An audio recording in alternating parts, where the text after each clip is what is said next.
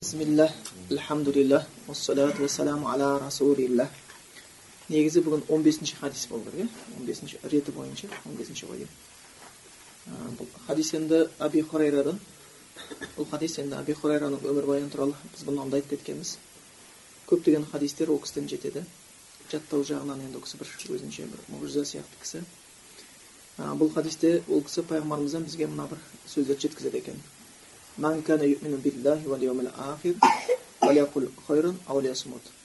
Ya'ni bir o'zi 3 adab öyrətədi. Birinci kimdə kim Allah'a ахирет gününe сенген жақсы сөз сөйлесін, болмаса үндемесін.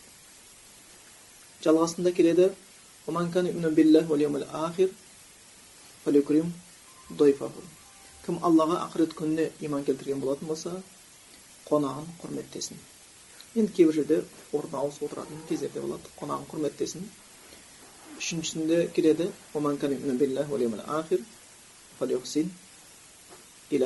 деп келеді кімде кім алла ақырет күніне сенген болатын болса көршісіне жақсылық жасасын деп келеді енді осы үш әдеп жайында біз бүгін айтып өтеміз алла қаласа біріншісі кім аллаға ақырет күніне иман келтірген болатын болса жақсы сөз сөйлесін болмаса үндемесін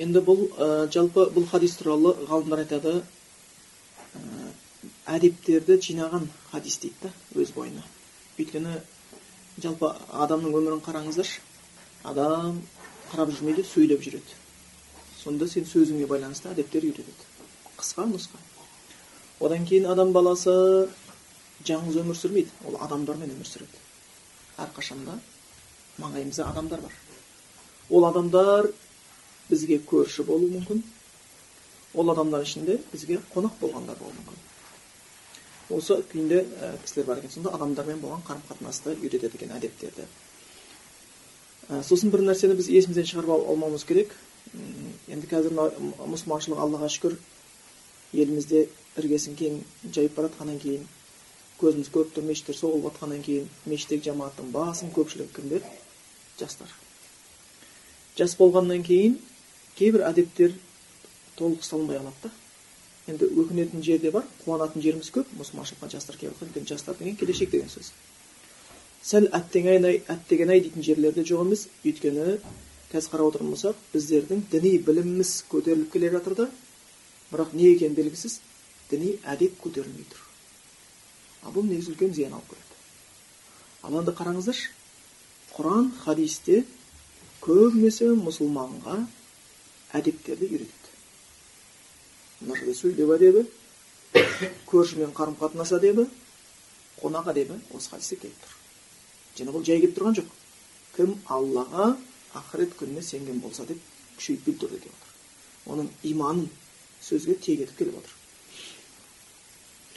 Өйткені жалпы ислам діні дегеніміз шейх хусейн өзінің бір сөзін айтады ғой. Динул ислам дейді ислам дін дейді. Дину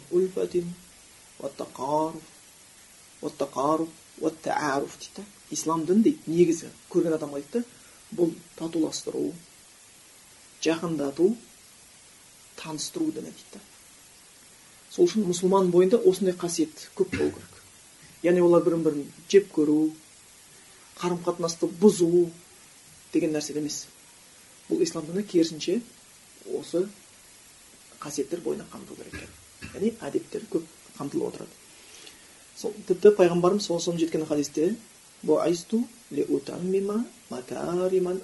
деген хадис бар иә аллах тағала мені жіберді көркем мінез құлықтарды толықтастыру үшін дейді мінез құлықтың ең жоғарғысы ол таухид өйткені аллахпен болған әдеп аллахпен болған әдеп бұл екен иә сол үшін аллаға ғана ғибадат жаса да шүкір етушілерден бол дейді шүкірлік етудің қарым қатынас ең жоғарғысы аллахпен өйткені аллахты сыйлай алмаған адам адамды сыйлай қоюы екіталай болып қалады екен сол үшін жалпы исламда осы әдептер үйретеді бұны енді хадисті түсіндірердің алдында тілге тиек етіп жатқан себебіміз кей кезде мынандай бір нәрселерді көріп қаламыз мысалға бүгіннің өзінде бір бауырымыз енді осыған ұқсас сұрақтар жиі келеді телефон соғып жатыр айтып жатыр менің досым бар еді деп айтады ол сүннетпен жүреді дейді да ол үйленді. Менің қарындасымды алды деп жатыр менің әкем де шешем де намаз оқиды. Бірақ олар мазхаб бойынша оқиды. Бірінші қателік. Қандай қателік? Мазхаб деген нәрсені бір төмен санау сияқты нәрсе бар да. Олар мазхабты егер дұрыстанса бізден артық болайын деп тұр. Просто оларда мазхабта емес кемшілік. Мазхабты толық түсінбегендігінде сол үшін бұл нәрсе біздің білімсіздігімізге өтпеу керек. Бірақ олар мазхаб бойынша оқиды деген сөз менсінбеушілік тұр да. Түсіндіңіздер ма мазхаб деген не нәрсе? Мазхаб деген үлкен имамдардың көрсетіп кеткен жолы ілімі. Сол үшін біз айта аламыз ба? Абу ханифа яки болмаса имам ахмад имам шафии имам мәлік бізден сүннетті қатты сүйген жоқ деп. Бола ма сондай сөз айтуға? Болмайды. Олар бізді сүннетті бізден артық сүйген бұлар әхлі суннаның имамдары және сүннетке бізден көп қызмет жасаған адамдар білмеймін біз олардың жасаған қызметін жасай аламыз ба жасай алмаймыз ба жасай алмауымыз мүмкін енді қарасақ бұл жерде бірінші қателік не болып тұр яғни мазхаб туралы түсініктің дұрыс еместігіне болып тұр өйткені көп адам ойында мазхабпен жүру сүннетпен жүрмеу деген сияқты көреді да ондай нәрсе емес екінші бұл жердегі қателік қандай болды? Өзінің досына айтып жатыр менің досым үйленді дейді. Қарындасымды алды кейін кеткеннен кейін менің шешем айтты дейді маған келіп. Анау қарындасың кетті. Енді ананың ақ сүті деген болады. Мына құдалар деген бар. Біз бір бірімізді бір кішкене дастархан жасап құдалармен бір отырып сөйлесіп деген сияқты. Енді қызымызды алып кеткеннен кейін бәрі құрғақ болып қалған сияқты. Бердік қолымыздан енді ұнатып отқаннан кейін бірін жақсы көріп отқаннан кейін бірақ бір сый сияпат қазақ оны сый сияпатты көбінесе ананың ақ сүті деп қояды ғой сол сый сияпат бірдеңелері қашан болар екен өйткені туысқандар әңгіме қылып жатыр деп айтады сосын мен не істедім дейді досым айттым дейді анам осылай деп айтып отырмын досым айтты дейді шариғатта ол жоқ деп айтты енді не істеймін дейді мен анама оны айтайын айтып едім дейді шариғаттарың бар болсын деп ренжіді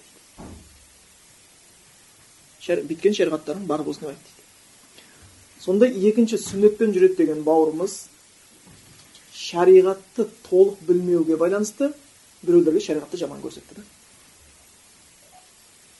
жалпы үйленгеннен кейін біздің тілмен құда дейміз ғой ол жаңағыдай қыздың жұрты мен ұлдың жұртының араласуы қалай шариғатта жоқ пайғамбарымыздың әдебін қалайықшы өмірін. Ол кісі хадиша анамыз өмірден өтіп кеткеннен кейін хадиша анамның туысқандарымен қандай қарым қатынаста болды үйінде бір мал сойылса соны еске алып жіберетін да? Бұл оның хадиша анамыздың достарына. Бұл мені не жаңағы әйелімнің досы еді деп оған келсе құрмет жасайтын қатты. Енді ойлаңыз хадиша анамыздың анасы болса қандай құрмет жасар еді? Қандай құрмет жасар сонда бұл жерде бір тіршілік дұрыс емес та? Ол қызды алдым кеттім қарым қатынас жасамаймын деген ол жақсы нәрсе емес.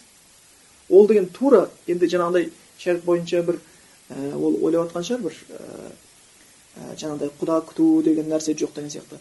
Бірақ шариғатта үрф деген нәрсе бар. Шейх усейминнің мысалға көп сабақтарын оқыған кезде ғой бұл мәселеде үрфқа қараймыз деп қояды да. Қазір мысалға біз осы хадисті өтейін деп жатырмыз осы жерде бір үрф мәселесіне келетін тұсы бар екен үрфқа да қарайтын жерлері болады екен сен мысалға қонақ күту қазір осы біздің хадисімізде өтейін деп жатқан үрф деген мәселе бар сонда қонақты қалай күтуіміз керек оған не берілу керек деген кезде шейх айтады оны үрфқа қараймыз дейді да әр елдің өзінің қонақ күту әдеті бар дейді мысалға бір жерде қонаққа ең жақсы тамақ ол бешбармақ бір жерде қонаққа ең жақсы тамақ күріш яғни әрбірдің бір ұрықтар бар иә одан кейін қонақ күтіп алудың өзінің әдеттері бар мысалы бір жерде қонақ келген болатын болса қолына су құйып өту бұл ұрф дейді яғни бұл шариғатқа қарама қайшы емес тірліктер бұл қабылданады түсіндіңіздер ғой ондай болатын болса біздің елде мысалға құдалармен құдалардың арасында қарым қатынас елдің арасында қарым қатынас қонақта бірін күтудегі қарым қатынаста шариғатқа қарама қайшы келмейтін нәрселер істелінеді. Түсіндіңіздер ғой сол үшін ол шариғатта жоқ деп жатқаны шариғатты білмеймін деген сөз да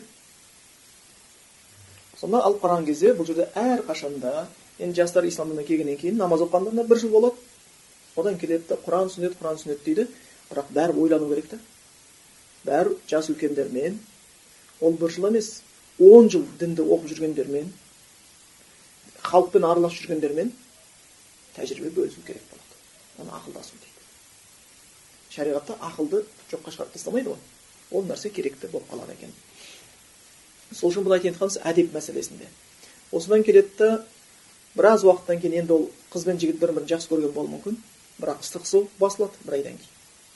Ыстық су басылады. Одан кейін олар қалған әке шешемен туған туыстармен қарым қатынасты дұрысталмаған үшін ұрыс басталады кейін шыдамайды семья бұзылады. Семья бұзылған кезде өте қиын жағдайда. Бала әдепсіздікпен семьяны тастайды ал қызды араластырмаған ол шариғатта жоқ ол шариғатта жоқ ол шариғатта бұл туысқандармен бөліп тастаған. Бірақ та қызды тастайды енді қыз қайтатын десе қайтатын жері де жоқ шариғат та жоқ. Туысқан да жоқ бұл әдепсіздік болып есептелінеді бұл әлі шариғаттың көркем тұсын білмегендік болып есептелінеді өйткені жалпы ислам діні өзі негізгі қағидасы. Өмірді жеңілдетеді.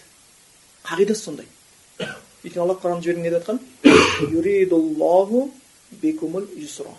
аллах сендерге жеңілдік қалайды деген да аллах сендерге жеңілдік қалайды деген екен сол үшін осы бір тұстарын қарау керек. Енді осы хадистің өзіне оралайық. Хадисте бірінші сөйлеу әдебін келіп жатыр кім аллаға ақырет күніне иман келтірген болатын болса жақсы сөз сөйлесін не болмаса үндемесін дейді. Екі нәрсенің біреусі ғалымдар жалпы сөзді үшке бөледі. Біреусі хайыр жақсы сөздер. Екінші шар жаман сөздер. Енді бір жерде лағвун дейді жай бос сөздер болмаса мубах сөздер деп бөледі осы үшке хайыр сөзге оны ғалымдар айтады осы хадиске сүйеніп фахуа матлубун ол талап етіледі дейді адамнан жақсы сөйлеу адамнан талап етіледі дейді шар ал жаман сөз болатын болса мұхаррам ол тыйым етілген дейді жаман сөз сөйлеу шариғат бойынша тыйым етілген енді ортада бір сөздер бар оны кейбір ғалымдар лағуын деп атайды жай бос сөздер сауап алдым деп айта алмайсың одан күнә жазылады деп айта алмайсың немесе мубах рұқсат етілген сөздер бұл сауап күнә алатын сөздер емес деп бөледі оған сөйлемегені ол сөздерді айтпағаны абзал дейді бірақ оны сөйлеп жатқан болса тыймаймыз дейді түсіндіңіздер ғой қарапайым қарап отырғанша қалай не жаңалық бар не істеп жатсыңдар бәрі дұрыс па деген сөз бірақ кей бұл сөздер сауапқа айналатын кездер болады. Өйткені адамдар танымайтын жерге кіріп келген кезде үндемей отыра беретін болса бірін бірін бөтенсін бастайды. Түсіндіңіздер ғой сол кезде қарағанда қалайсыз аты жөніңіз кім болады танысып қойсақ не істеп жатсыз деп сөзді бастап кішкене бастаса олар не бірін бірін сөйлегеннен кейін жақындай бастайды. Ал жақындату бұл уже жүректі жылыту бұл уже ізгілікті бере бастайды.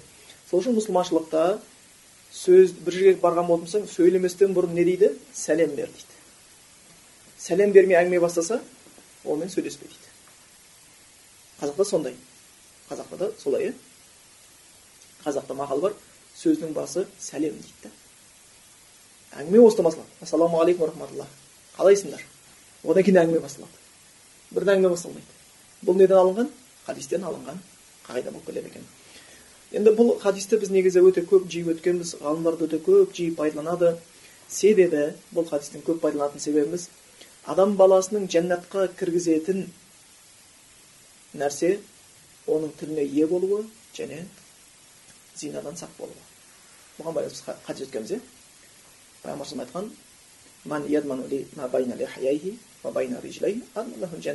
кімде кім маған екі жағының арасындағыға яғни тіл екі бұтының арасындағыға жаңағы ұятты жерін айтып жатыр сақтаймын деп уәде берсе яғни тіліммен жаман сөз сөйлемеймін және некесіз қылыққа зина жасамаймын деп уәде берсе дейді мен оған жәннатқа кіресіне уәде беремін дейді пайғамбардың уәдесінен артық уәде жоқ. Онда ол адам жәннатқа кіреді деп уәде беремін дейді. Өйткені адам баласындағы көптеген қиыншылықтар осыған келіп тіреледі дүниенің де көптеген қиыншылығы тілден ақыретте де адамдар көптеген адамның тозаққа түсуі тілден муаз ибн жабалға байланысты келген хадисінде пайғамбар жәннатқа кіргізетін нәрсені маған үйретші дегенде пайғамбар айтады намазын бәрін айтып айтып айтып келеді де ең соңында айтады осының бәріне ие болатын нәрсені үйретемін не дегенде тілін көрсетіп мына тіліңе сақ бол дейді муаз ибн жабал айтады ғой сонда я расулалла тілі үшін сонда зардап шегетіндер болды да пайғамбар айтады иә дейді қанша адамдар дозаққа жүзумен құлайды дозаққа түсу себептері олардың тілдерінен тапқан мен тілмен тапқаннан болады дейді да сонда көптеген адамдар дозаққа тілінен кетейін деп тұр да сонда бірінші хадис бізге ә, нені үйретіп жатыр ол бірінші осы хадистің бірінші бөлімі ол сөз әдебін үйретіп жатыр жақсы сөз болса сөйле жаман сөз болса үндеме осы қағидалар санау керек деп оқылады екен ал енді қазір өкінішке орай діннен алыстағаннан кейін ба басқадан кейін ба қазір қараңыздаршы бұрынғы кезде жазу сызу жоқ еді иә аз еді қалам деген аз қағаз деген аз қағаздың аздығы соншалықты қағазбен дәрет сындыруға тыйым салатын ілгері фих ғалымдарын қарасаңыздар қаламның құрметтілігі соншалықты біреуге қалам сыйлау деген ол үлкен нәрсе сый болып есептелінетін ілгергі кезде қазір қалам алсақ үйде кілемді көтерсең де астынан қалам шығады халайыңды түртсең де астынан қалам шығады суырманы ашсаң да ішінен қалам шыға береді да қазір көбейген уақыт. Бірақ сол кезде бір қаламмен анау ә, егер ілім әдебіне байланысты оқыған болатын болсаңыз сәләфтар өткен ғалымдар өмірде мысал келтіреді ғой. Үйіне қонақ шақыратын өзі қаламды ұштайтын иә былай. Қонақ шақырып уақыт үнемдеу үшін келген қонақтардың бәріне бір бір қалам беріп қойып соны пышақ беріп ұштатып қойып уақыт үнемдейді екен да. Уақыт үнемдейтін болған ілім іздеген кезде. Ал енді қазір қағаз бен қалам көбейді. Біздің ойымызда қағаз бен қалам көбейсе ілім көбею керек деген нәрсе тұру керек қой. Қазір біз телефонмен сөйлесіп жатырмыз интернет бар почта бар. Не керек? Бәрі бар. Телевизор бәрі бар. Адамды былай сауаттандыратын нәрсе көп сияқты. Бірақ соның бетіне қарайықшы. Ең көп нәрсе өсек. Және адамдардың ең көп оқығысы келетіні өсек та. Ғайбат өсек сол. Сәл біреудің бір қисығын көретін болса ар жағынан опырып тастауға дайын тұр сонда журналистпін деп жүрген адамдардың көп уақытында төрт жылдық оқуы өмір бойы өсек жасауға айналған сияқты болып қалады да. Тағы біреулер оқиды соншалықты әдебиет басқаны жазу сызуды күшті біледі. Бірақ өмірін ғайбатқа арнаған сияқты. Жазған сөйлегеннен жаман да. Сөйлеген сөз ұмытылуы мүмкін бір уақытта. Жазған нәрсе қала береді. Жазған нәрсе қала береді. Сол үшін бұл жердегі айтып жатқан не? Адам баласы сөйлейтін болатын болса болса жақсы сөз сөйлеуге тырысу керек. Өйткені міндетті түрде ол қияметтің алдынан шығады. Сол үшін біздің қазіргі сөйлеп жатқан сөзіміз келешекке егіп жатқан егініміз. Келешекке егіп жатқан егініміз болып келеді екен. Бұл жерде жақсы сөз сөйлесін болмаса үндемесін деп айтылған абдулла ибн масудтан келетін сөз айтады расында дейді да біреуді өмір бақи түрмеге қамау керек болатын болса ол тілді қамау керек дейді тілді қамау керек енді тісін артынан шығармау құранда да келеді біз адам баласына бір тіл екі ерін бердік дейді да қазақша мақалмен айтатын болсақ бұны тәпсірлейтін болатын болса бір, бір ел ауызға екі елі қақпақ деген сияқты нәрсе. Өте көп сөйлеу керек. Енді сіздер жай қараңыздар біз мұсылман болғаннан кейін біріміз арамызда байқамайтын шығармыз. Бірақ мұсылмандардың арасында да кей кезде өсек ғайбат деген нәрсе көріп қаламыз. Ол мұсылманға жарасатын нәрсе емес. Бірақ намазға әлі толық келмеген кісілердің әңгімесін тыңдап көріңіздерші былай намазға толық келмеген кісілердің әңгімесін. Оған ей мынау ғайбат болып кетеді. Ей мынау өсек болады. Мынау өтірік болуы мүмкін десең онда сен бүкіл сөзін тоқтатуыңнан керек болып қалады бүкіл сөз осымен айналып кеткен сияқты. Адамдар мән бермеген. Сол үшін ғалымдар айтады. Не деп айтады? Бұл жерде бекерден бекер пайғамбар айтқан жоқ кім аллаға ақырет күніне сенген болса деген сөз бекер айтып жатқан жоқ дейді. Адамның сөзі түзелу үшін өзі түзелу үшін ісі түзелу үшін иманы түзелу керек.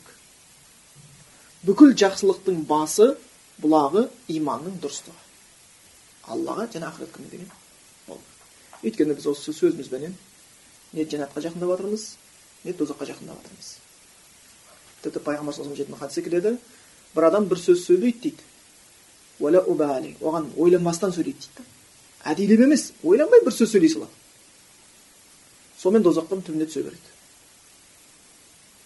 а бір адам ойланбастан жақсы сөз сөйлейді сонымен жәннаттың төріне шығатындар болады яғни аузымыздан шыққаннан кейін бәрі жауап берейін деп тұрмыз да ә, менің ниетім де басқа болды деп ақтала алмайсың сол үшін адам баласы аузынан шыққан сөзіне өте ықтият болу керек болып табылады екен өйткені біздің бүкіл сөзіміз жазылып жатыр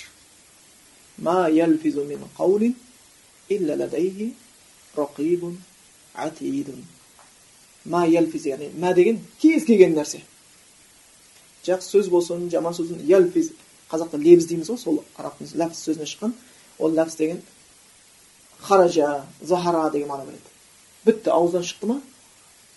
Мен қаулин қандай бір сөз?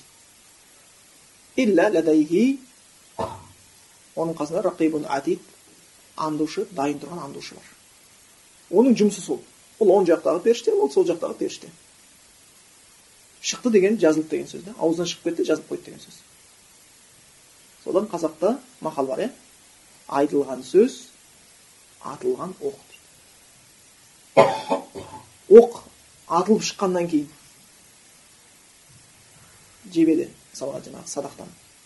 Атылып шыққаннан кейін ол қайтадан ой тоқта атпайтын едім деп артқа қайтып келмейді ғой бетті болмаса мылтықтан шыққан оқ. Қайтып артқа келмейді.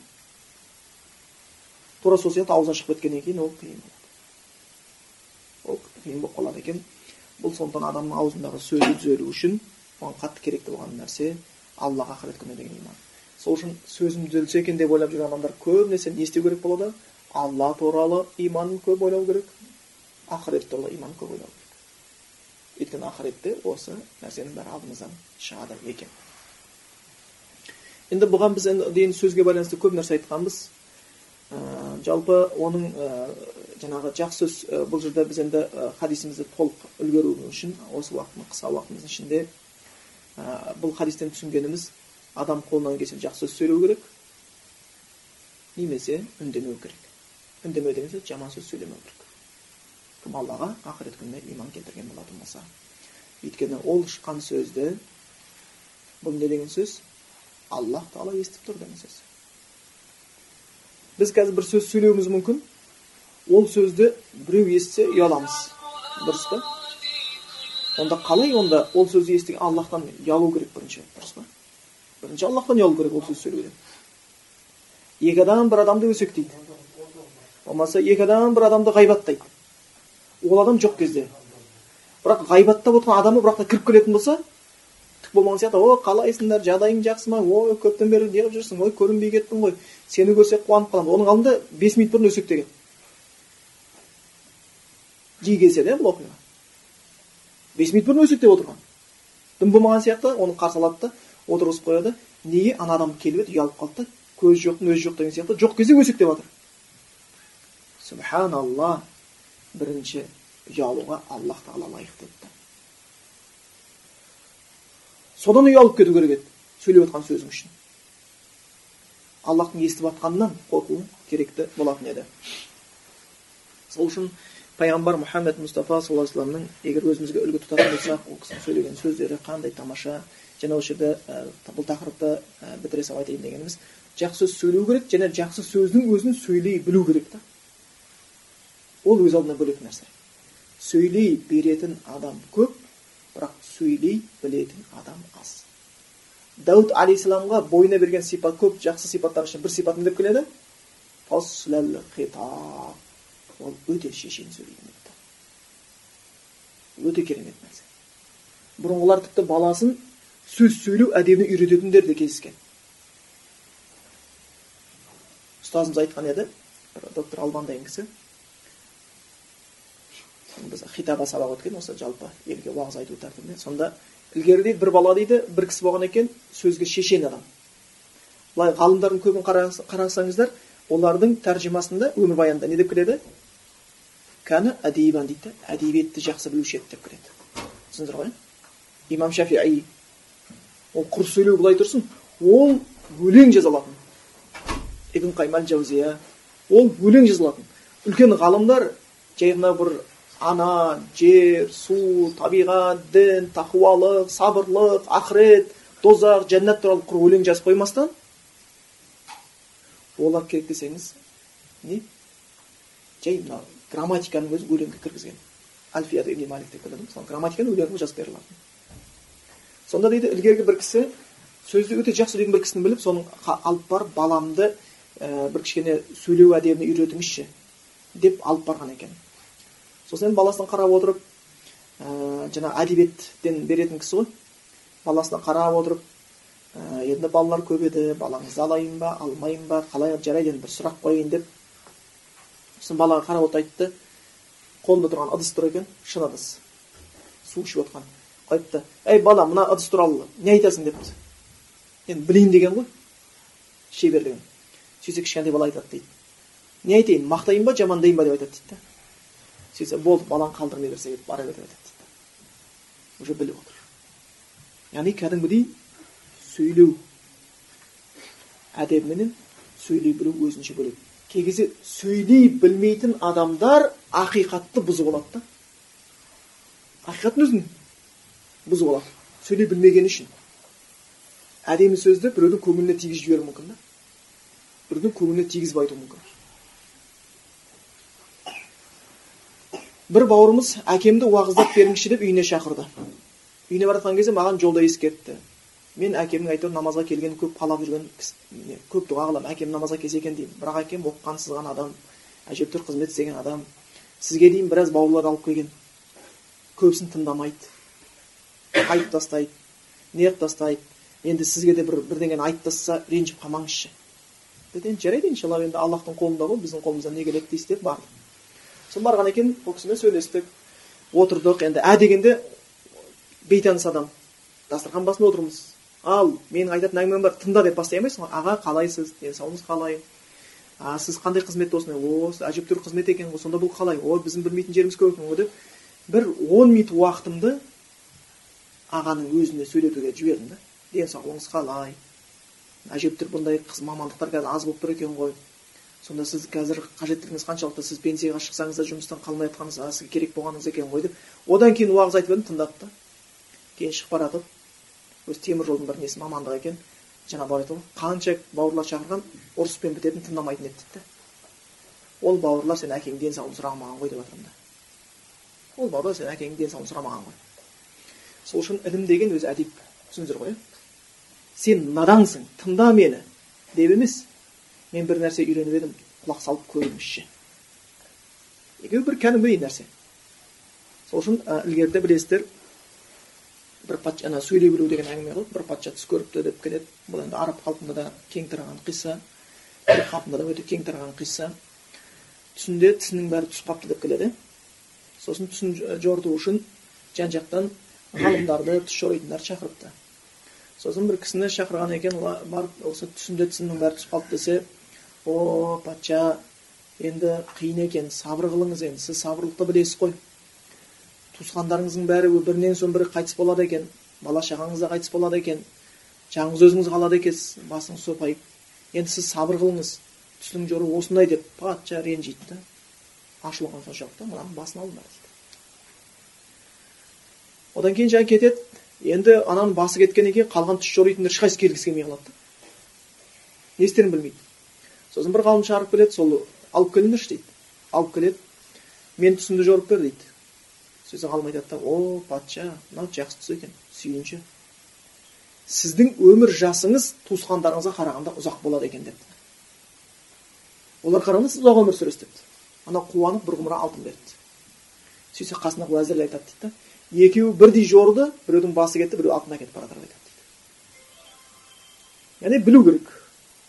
Әрқашанда дұрыс нәрсемен сол үшін ақиқатты кәдімгі киімін жалаңаштап емес киімін кигізіп әдеппен сөйлей білген жақсы болып табылады екен. Өйткені жақсы сөз біздің ол жақсы сөз дегеніміз ең ұлы сөз ол құран.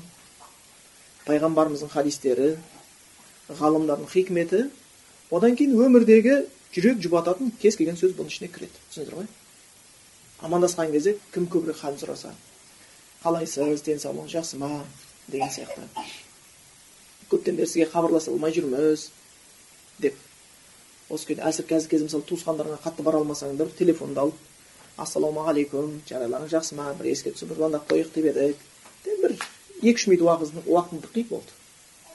Жүрегіне қуаныш сыйла и сен жақсы сөйлеген сөйлеген қатарына кірген болып табылады екенсің енді хадистің екінші бөліміне келейік. Екінші бөлімінде кімде кім? Кімде кім аллаға ақырет күніне сенген болатын болса деп келеді да не деді қонағын құрметтесін дейді жалпы қонақ мәселесі шариғатта өте қатты айтылатын бір мәселелердің біреусі болып табылады екен пайғамбарымыздан жеткен және бір хадис қонақ күту үш күн дейді қонақ күту үш күн дейді міндеті саған ол бір күн дейді да негізі қонақ келген адам үш күн қонақ болады дейді бірақ оны сенің сенің мойныңдағы міндетің бір күн күту дейді бір күн бір түн. Күту сенің міндетің. Енді одан артқаны дейді не болады дейді садақа. Садақатын али бұдан артық бұдан артығы дейді. Үш күннен кейін төртінші күн қонағың кетпей жатып қалса бесінші күн жатып қалған болатын болса ол нәрсе саған ол қонақ үшін садақа болады дейді да яғни қонақ бірінші соған қарап кейбір бірінші күнгі қонақты келген қонақ күту уәжіп дейді екінші үшінші күн күту сүннет дейді келесі төртінші бесінші күн ары қарай кеткен бір күндер садақа болып кетеді дейді садақа болып келеді дейді енді бұған ұқсас қазақта да мақал бар иә жалпы қонақшылыққа байланысты қазақта өте көп мақал бар соның бір мақалы бар не деп келеді бірінші күнгі қонақ құт дейді да яғни береке екінші үшінші сүннет төртінші күнгі қонаққа кеткен нәрсе шығын садақа есебіне келе бастайды қазақта енді осыған ұқсас мақал бар бірінші, бірінші күнгі қонақ құт дейді да құт дегені яғни жақсылық алып келеді жалпы бір қуанатын жағдай енді әр ел өзіне қонатын нәрсесі бар шығар бірақ біз өзімізге елімізге қонатын нәрсе бір қонақжайлық еді әйтеуір мақалының бәрі қонаққа қатысты. Да қуыс үйден құр шықпа деген сияқты. Әрбір нәрсе бір тамаққа неге? Енді бұл қасиет өте жақсы қасиет бұл шариғатқа сәйкес қасиет. Енді осы қасиет елден кетпесе екен деп сұраймыз. Енді ол құр кетпеуші емес оған әрекет соған тәрбиелеуіміз керек болып қалады екен.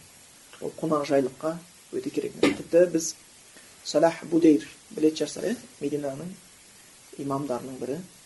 Сол кісінің үйінде қонақта болғанбыз. Ол өзінің сондай бір демалыс уақытысын жылына бір рет оларға кішігірім демалыс беріледі екен. Әр елде өткізеді екен. Сонда осы қазақстанға келген жылы болған. Қазақстанға келген сонда бала шағасын алып ақшасын бәрін түгендеп келіп демалатын орындар болатын болса гостиницадан алып соны жаратып ешкімге салмақ салмай қайтатын кісі болған екен. Бірақ қазақстанға келе жатқан кезде ол кісінің келе жатқанын естіп бұл жақтың мұсылмандары көптеген кісілер. Оны күтіп алып сонымен бүкіл сол бізге айтып беріп жатыр ғой енді қонақта отырған кезде. Қалай күтіп алғанын тауға алып барған басқа бүкіл не нәрсе болу керек соның бәрін істеткен дейді. Сонда отырмыз үйінде біз қазақстаннан келген қонақтар отырмыз. Эмираттан келген қонақтар отыр. Және салах бідер өзі отыр. Сонда эмираттан келген қонақтарын таныстырып жатыр да мына қазақстаннан келген кісілер. Бұлар мен барған кезде қонақ қылып күтіп еді. Енді мен келгеннен кейін үйіме қонақ күтіп жатырмын бұларды.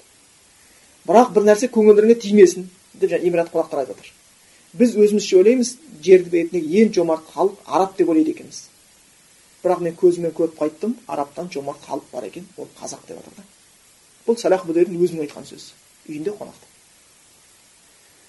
және айтады бір қызық дейді мен қанша шетелге бардым дейді қазақстанға бардым дейді ақшамен гостиницаны есептеп тамақты суды бәрін есептеп барғам дейді да ақшам сол күйінде қайтып келді дейді да жарата алмай қойдым дейді.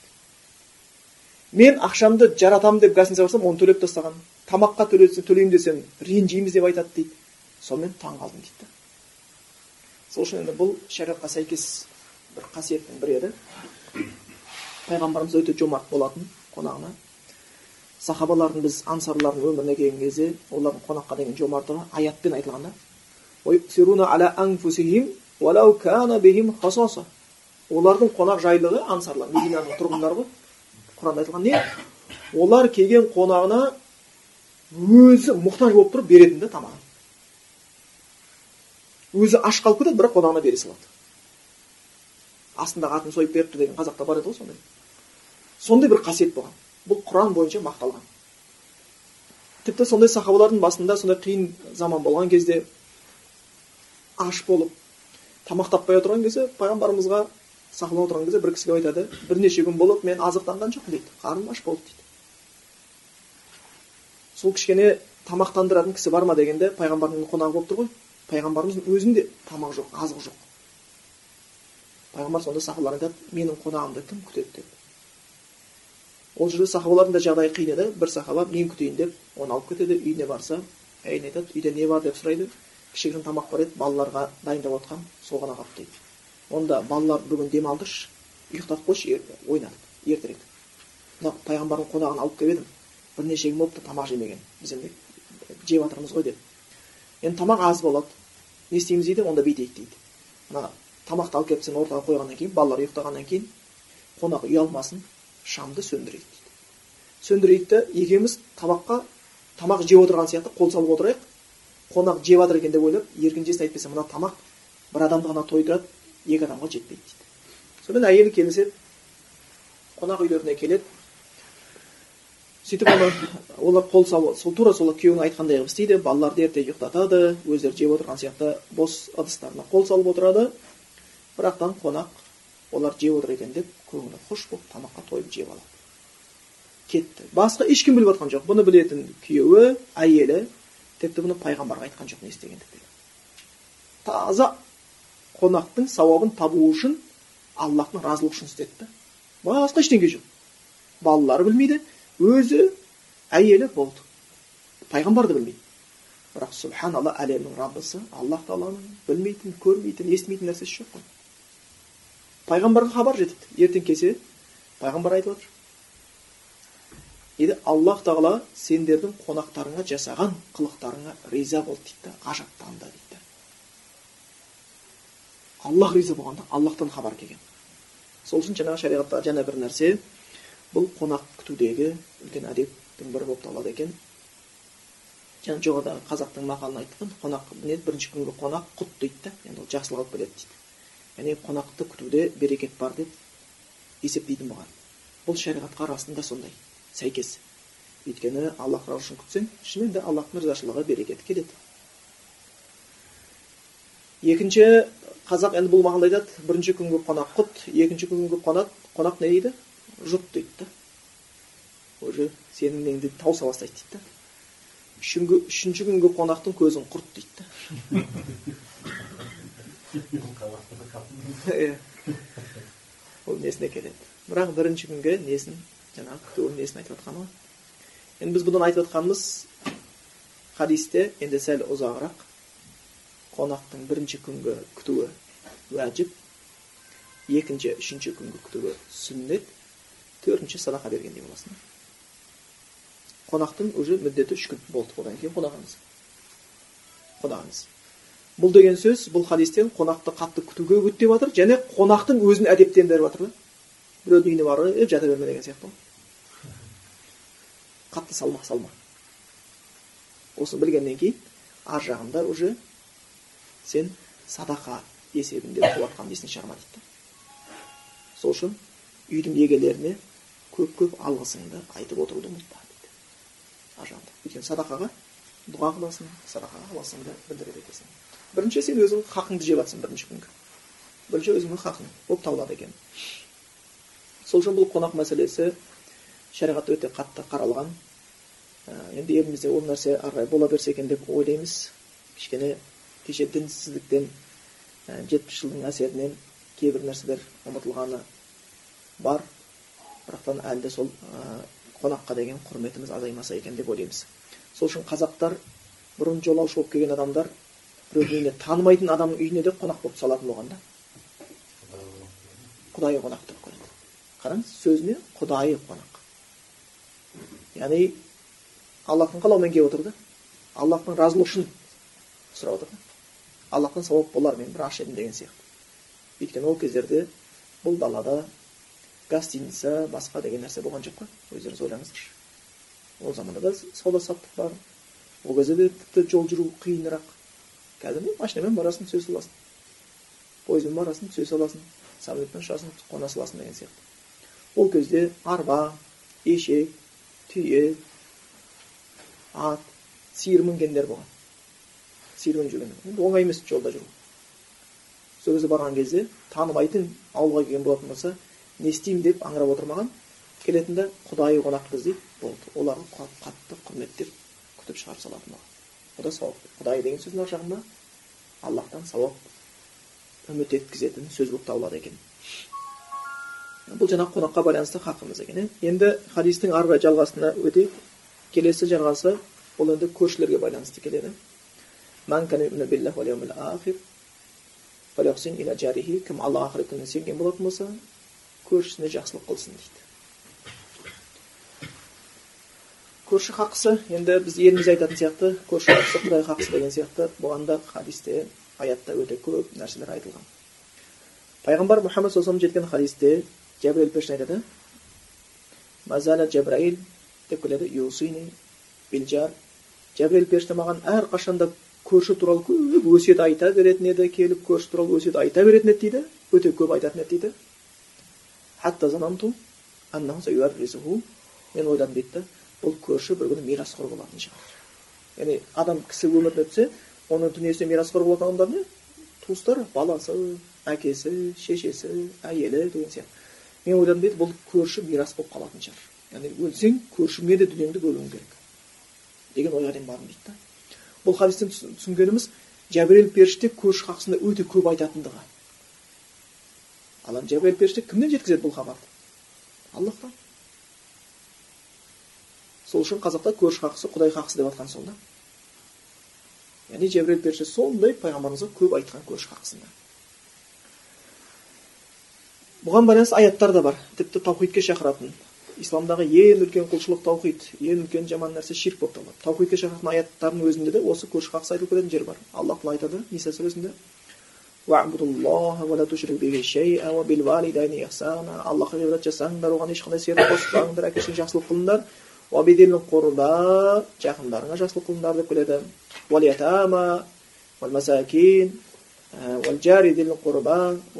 Джунуби деген сияқты жетімдерге міскіндерге жақсылық істеңдер деп келеді да одан кейін сендермен туысқан қарым қатынасы бар көршілеріңе жақсылық қылыңдар және қасыңдағы көршілерге жақсылық қылыңдар деп келеді екен бұл аяттың өзінде де көршілерді бөледі екен ал ғалымдар көршіні үшке бөледі бір көрші бар дейді оның мойнында сенде бір ақ хақысы бар дейді бір көрші бар дейді сенің мойныңда екі хақысы бар дейді бір көрші бар дейді сенің мойныңда үш хақысы бар дейді көршілерді үшке бөледі екен енді бір көрші мойнында бір ақ хақысы бар көрші дейді ол мұсылман емес көрші енді пайғамбарымыз мушрик болуы мүмкін енді біздің кезімізде не дейміз енді жалпы ислам дінінен басқа діннің бәрінде ширк бар ғой кітап иелері христиан буддист субханалла қараңыздаршы шариғатта көршің кәпір болса да жақсылық қыл деп тұр да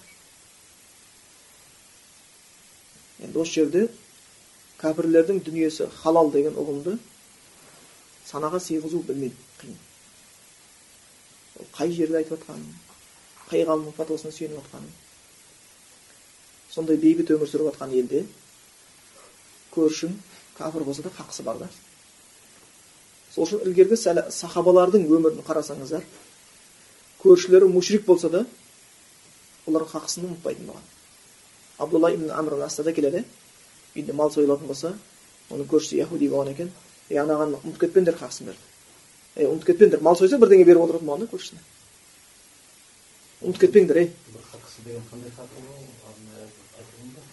қазір оны түсіндіреміз көрші хақысын түсіндіреміз сонда бұл жердегі ә, сонда көрші үшке бөлініп тұр екен иә бір көрші бар мойнында бір ақ хақысы бар сенде бір көрші екеу бір хақысы бар біреусінде үш хақысы бар бірақ хақысы дегеніміз ол мұсылман емес көршілер ол көршілік хақысы бар болды бірақ ол сенен діни махаббатқа ие бола алмайды түсіндіңіздер ғой сен алла үшін жақсы көре алмайсың оның дінін дұрыс деп айта алмайсың ол адасқан шаман келсе насихат қыласың көршіміз ғой сен кім болсаң о бол бер содан кейін жүре берші деген әңгіме жоқ бірақ көршілік хақысын қалады. Көршілік хақысы деп жатқанымыз үйіңде мал сойылып бірдеңе жатқан болатын болса бөлісу ауырған болса хал жағдайын сұрау. Бұл хақтар қалады еді түсіндіңіздер ғой? Оның үйіне зиян жасамау деген сияқты. Осы нәрселерді ескертіледі екен. Бұл егер бір хақысы бар көрші ол мұсылман емес көрші. Екі хақысы бар көрші. Ол мұсылман көрші. Бірінші саған көршілік хақысы бар. Екінші мұсылмандық хақысы бар. Уже оған сәлеміміз басқаша болады. Ассаламу алейкум уағалейкум ассалам рахматуллах оның жаназасы бар оның басқа жаңағы түш көрген альхамза ерхамуллах дегені бар. Уже мұсылмандық хақысы бауырмалдық хақысы қоса жүреді да. Ода екі хақысы бар. Көршілік хақысы бар және мұсылмандық хақысы бар. Енді бір көрші бар үш хақысы бар. Ол сенің туысқан көршің. Немесе туыстар біріне жақын тұрып қалады иә ондай болатын болса оның сенің мойнында көршілік хақысы бар ол сенің мойнында мұсылмандық хақысы бар және ол сенің мойнында туыстық хақысы бар туыстық хақысы болып қалады екен сол көршілер осыған қалай бөлінеді енді көршілер қанша саны қанша деген ұғымға келетін болсақ енді ибн хамбали өз кітабында келтіреді кейбір ғалымдардың сөздерін көршілер дейді қырық үйге дейін көрші есептеліне береді дейді бірақ енді кейбір ғалымдар соңғы ғалымдар ол сол заманмен өлшенеді дейді енді ол кезде машина болған жоқ ол кездегі үйлер кішкентай болды. Көбінесе бір бөлмелі үйлер ғой. Қазақтар киіз үйде тұрған сияқты. Бір бөлмелі үйлер. Сосын үйлер көбінесе жаңағындай ә, машина болмаса басқа нәрселер болмағаннан кейін көшенің кеңейтуіне қатты мұқтаждықтар болмағаннан кейін үйлер көбінесе бір біріне жабысып соғыла беретін болған жапсарлас үйлер болған пайғамбарымыздың хадистері келеді ғой көршің дуалына баған қоямын десе қарсылық білдірме дейді да үй соғады да оны қазір балка дейміз ғой баған сол келіп үй соғайын деп жатыр сенің істегеніңе қойғысы келіп тұр балкісін көршің болса сенің қабырғаң құлап қалмайтын болатын болса ол салмақты көтеріп алатын болса қойғыза бер дейді да қарсылық білдірме дейді сонда ол кездегі үйлер қабырғалас болып кеткен кездер бар да. Түсіндіңіздер ғой? Қабырғалас кеткен үйлер болған. Олар жақын болған енді ол кезде қырық үй деген түсінуге болады. Ал қазіргі кезде қырық үй деген бір қала сияқты да ол. Қалай дегенмен де енді ә, ең ә, көрші саған жақын болған сайын хақысы үлкен бола бастайды. Оң жақтағы көрші сол жақтағы көрші алдындағы көрші. Этаж үйде тұрған болатын болса этаж үйде бір подъездегі көршілер бұлар хақысы жоғары сенің этажыңдағы көршілердің хақысы жоғары жоғарыдағы көрші төменгі көрші бірақ бір дом болғаннан кейін бір подъезден кіріп шығып жатқаннан кейін олардың бәрі көрші болып қалады бірақ қараңыздаршы ақыр заман жақындаған белгісі ма басқасы ма ауылды жерде әлі күнге дейін мүмкін сақталып жатқан шығар бірақ этаж үйде тұрған кезде осы этаж үйде тұратынымыз көп шығар төбеңіздегі тұрған көршінің аты жөнін біле аласыздар ма? Болмаса астындағы көрші сол үшін ислам деген ол құр бірдеңені біліп алып айтып жүру емес ислам деген практиковать ету да. Осыған қарап өзімізге баға берсек болады. Осыған қарап өзімізге баға берсек болады. Сол үшін көршінің хақысы деген бұл кәдімгі шариғатта өте қатты айтылған. Оған қатты көңіл бұрып отыру керек. Және хадистерде өте қатты айтылады көршіге байланысты пайғамбар саллаллаху жеткен бір хадисте не деп келеді валлахи ла юмину валлахи ла юмину валлахи ла юмину деп үш рет айтады пайғамбарымыз аллахпен ант етемін иман келтірген болып есептелінбейді бір адам аллахпен ант етемін бір адам иман келтіргендердің қатарына кірмейді аллахпен ант етемін бір адам иман келтірген қатарына кірмейді деп айтады қила сонда сұралады сахабалардың біреусі ман я е аллахтың елшісі кім ол деген сондай иман келтірмеген болып қалады кім деп дейді кімнің дейді көршісі оның жамандығынан сақтанбаған сақтана алмайтын болатын болса ол иман келтірген емес дейді яғни сенен көршің қорқады кетсең светін ұрлауы мүмкін үйіне барсаң бірдеңесін алып кетуі мүмкін ондай көршің болса бұл ең жаман көрші ол иман келтірген емес деп келеді да тіпті бір хадисте келеді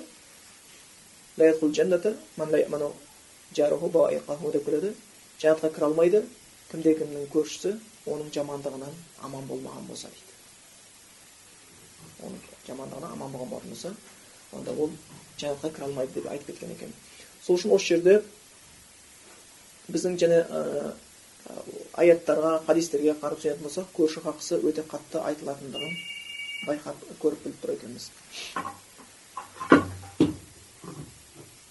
енді көршінің хақысы не деп айтылады бұл жерде ол дегеніміз хадисте келген сияқты кімде кім дейді ла юмину ә, бір адам иман келтірмей деп келмейді деп келеді деп келеді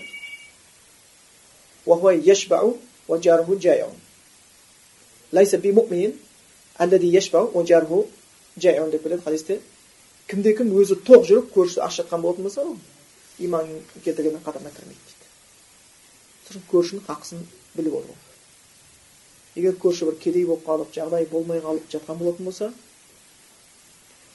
сен жағдайың жақсы болып кеткен болатын болса сенің үйіңнен сорпаны шығып ананың мұрнын жарып балалары ішектері шырылдап жатқан болатын болса ол дұрыс емес та көршінің жағдайы бар болып болатын болса онда ештеңке емес жағдайы жоқ болып тұрған болатын болса осыны естен шығармау керек.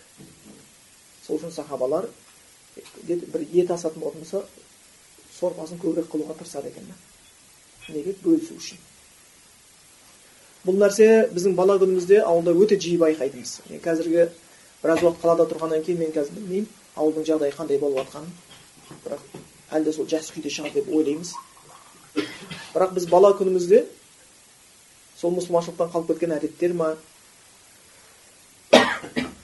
ол көр, сондай бір кеңес өкіметінде жағдай керемет жақсыда болған жаңа аралас жас үлкен кісілер оны жақсы білетін шығар. Көршіден нанға қарыз сұрау деген бола беретін жарты бөлген нан қарыз сұрап келе беруші қой. Барамыз сонда көршілер беретін сол яғни бөлісіп жеп отырады да сонда оларда нан көп емес.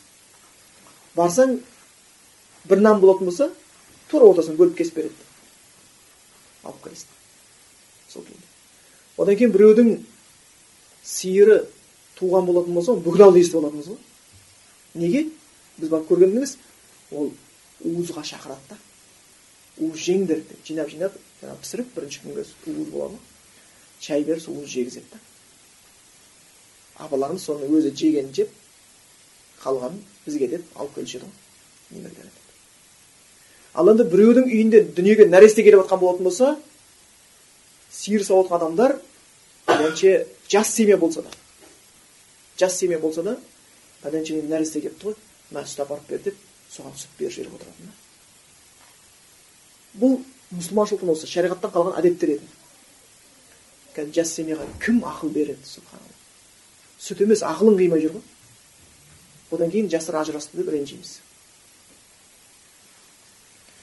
Сол үшін бұл жаңағы шариғатта қарағанымыз көрші хақысы егер жаңағыдай ілгері ғалымдардың сөзіне сүйеніп қырық үй дейтін болатын болса бір ауыл болып кетеді. Бір ауыл бәріне көрші сияқты болып қалады. Бірақ енді қазіргі заманға өкінішке орай көршілер бірін бірін танымай жатқаны ол жақсы емес болып қалады екен. Осыған қарап кейбір ғалымдар айтады қонақ күтетін болсаң дейді. Егер сенің күтейін деп жатқан қонағың үйіңе сыятын болса дейді да. Сыртқа апарып емес дейді. Үйіңде күткенің абзал дейді. Ғой мысалы кафе ресторан деген сияқты. Егер ол қонақ үйіңе сыятын болатын болса және шаман келетін болатын болса оны үй күткені жақсы дейді. Енді осы жердегі бірақтан қонақ күту ә, сауап үлкен екенін біз айттық. Ә, көрші хақысының енді маңыздылығын соны біз айтып кетіп жатырмыз. Бұлардың кейбір ә, тұстарында тоқталып өткеніміз дұрыс болады екен. Енді көрші хақысын айтты енді жаңағы қазақтан бұл көрші хақысына көрші хақысы құдай хақысы деп қояды онымен болған жағдайымыз қарым қатынасымыз сәлеміміздің дұрыс болуы кез келген кезде жылы шыраймен амандасу ауырып қалған болса жағдайын сұрау біреу қайтыс болған болатын болса көңіл айтып сабырлыққа шақыру жаназасына тұру деген нәрселер қонаққа шақырған болса бару деген нәрселер болып тұру керек екен мүмкіндік туып жатқан кезде үйіңе қонаққа шақырып отыру керек екен ау кәдімгі сәлемді дұрыс болуы көрген жерде жылы шыраймен амандасып отыру ауырған болса жағдайын сұрау оның үйінде бір кісі қайтыс болып жатқан болатын болса әйтеуір тумақ жерде өлмек бар ғой сабырлыққа шақырып отыру жаназасына бару тұру бару осы нәрсе болады екен егер көрші бір жолға шығып кеткен болатын болса үйіне қамқорлық жасап отыру қадағалап отыру да қорғау ей менің үйім емес қой көршінікі бола берсін деген ойда болмау керек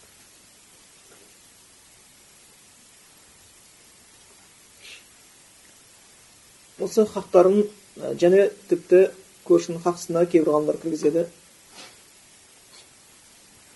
Көршің туралы біреу жаман сөз сөйлеп жатқан болатын болса тоқтату дегенді де кіргізеді. Екен көршің туралы біреу жаман сөйлеп жатқан болатын болса оны тоқтатып қою дейді да жаман сөз сөйлеп дұрыс кейбір ғалымдар айтады үйіңе бір енді ілгергі кезде жеміс жидек дегендер өте сирек кездесетін нәрсе болғаннан кейін өте қымбат есептелінетін үйіңе дейді да сен бір алма алып келе жатқан болсаң дейді бала шағаңа. Сол кезде көрші алдыңнан шығып қалып сенің алмаңды көрген болса дейді да бөліс дейді. Көз қақсын бер дейді да мына мынаны бір ауыз тиіңіз деп бер дейді. А егер сенің алған алмаң ол көршіге бөлісуге жетпей тұрса өзің бала шағаң алған болсаң дейді онда алып келе жатқан кезде дейді оның көзіне құрт құрт түсірместен көрсетпей алып кір дейді енді көрінбейтін сеткіде тіпті ананың көңіліне не қылмау яғни сараң бол деген сөз емес. Яғни өзіңнен артылмай жатқан нәрсе болатын болса онда ананың көңіліне кірбің түсірме дейді түсіндіңіздер ғой? Осыған дейін айтып кеткен кісілер болған екен. Ғалымдардың ішінде. Сондықтан бұл шариғатта көрші хақысы өте қатты айтылып отырады екен. Жоғарыдағы аяттар хадистер оның маңыздылығын бізге қатты түсіндіреді. Енді осы жерде кішігірім бір тоқталып өтейік. Үш нәрсені айтып кеттік иә сөзге ықтият болу. Өйткені сөз дегеніміз осымен адамдардың қарым қатынас құралы. Тау мен таста жел бұзады адам мен адам сөз бұзады деген сияқты. Қазіргі кездегі егер шіркін қоғамда адамдар жаман сөзден алыс болатын болса өсек ғайбат өтірік жала деген сөзден алыс болатын болса онда сол қоғам кедей болса да бақытты өмір сүреді ал егер бұл сөздер бар кезде ол қоғам бай болса да бақытсыз. Өйткені қазақта мақал бар адам құлақтан семіріп көңілден азат дейді құлақтан семіреді деген сөз жақсы сөз адамды семіртеді деген сөз. Егер сен естіп жатқан жаман сөз басқа болатын болса айқай шу бітпейтін нәрсе болатын болса май жеп отырып та арықтай бересің да. Май жеп отырып арықтай бересің. Ал енді сенің маңыңдағы сөздер жақсы сөз сөйлеп отыратын болса онда сен қара су ішіп отырып та бал жегендей боласың. Рахаттанасың. Мына мұқағали мақатайдың бір сөзі бар ғой айтатын. Айналайын дейтұғын жан болса егер енді қалған өмірімді қияр едім дейді да. Енді бір қиындықтың туысқанына байланысты айтқан болу керек. Сонда кәдімгі бір айналайын дейтін сөз үшін өмірімді қиып жіберуге дайын тұрмын дейді да өйткені адамды негізі өте қатты көңілін көтеретін нәрсе жылы сөздермен жақсы қарым қатынас сол үшін шариғатта әсіресе мұсылмандармен болғанда сәлемдесуің жылы шыраймен қарауың өте көркем түрде болу керек одан кейін жаңағы қонақтың хақысын айтып кеттік қонақ ә, бірінші күнге сүннеті уәжіп екі күнге екі күннен сүннет деп үшінші күн төртінші күнге садақа болады деп айтты бірақ адам баласы шамасына қарасын үйіне қонақ келіп қалды егер қазір мұндай заман аз ғой енді үйінде бірдеңе табылмай қалды деген қазіргі кезде беретін нәрсем аз болды деп ұялу мүмкін да жоқ болды деп емес аз болды деп қазір дастарханға жағдайымыздың жақсарғаны соншалықты жемесек те толтырып қоямыз жемесек те толтырып қоямыз дұрыс па сол күйінде ол қалып кетеді қонақтан кейін оны таусылмайды қонақ сол күйінде. Ал енді кімде кімнің бір шын шамасы келмей қалған болатын болса болмаса үйінде орын болмай қалып бала шаға көп болып қонақты жатқызатын жер отырғызатын жер болмай қалған болатын болатын болса онда оған дейді қаржылай да көмек беруіне болады дейді. Болмаса үзірін айтуы ол күнә емес дейді да оған күнә жазылмайды дейді.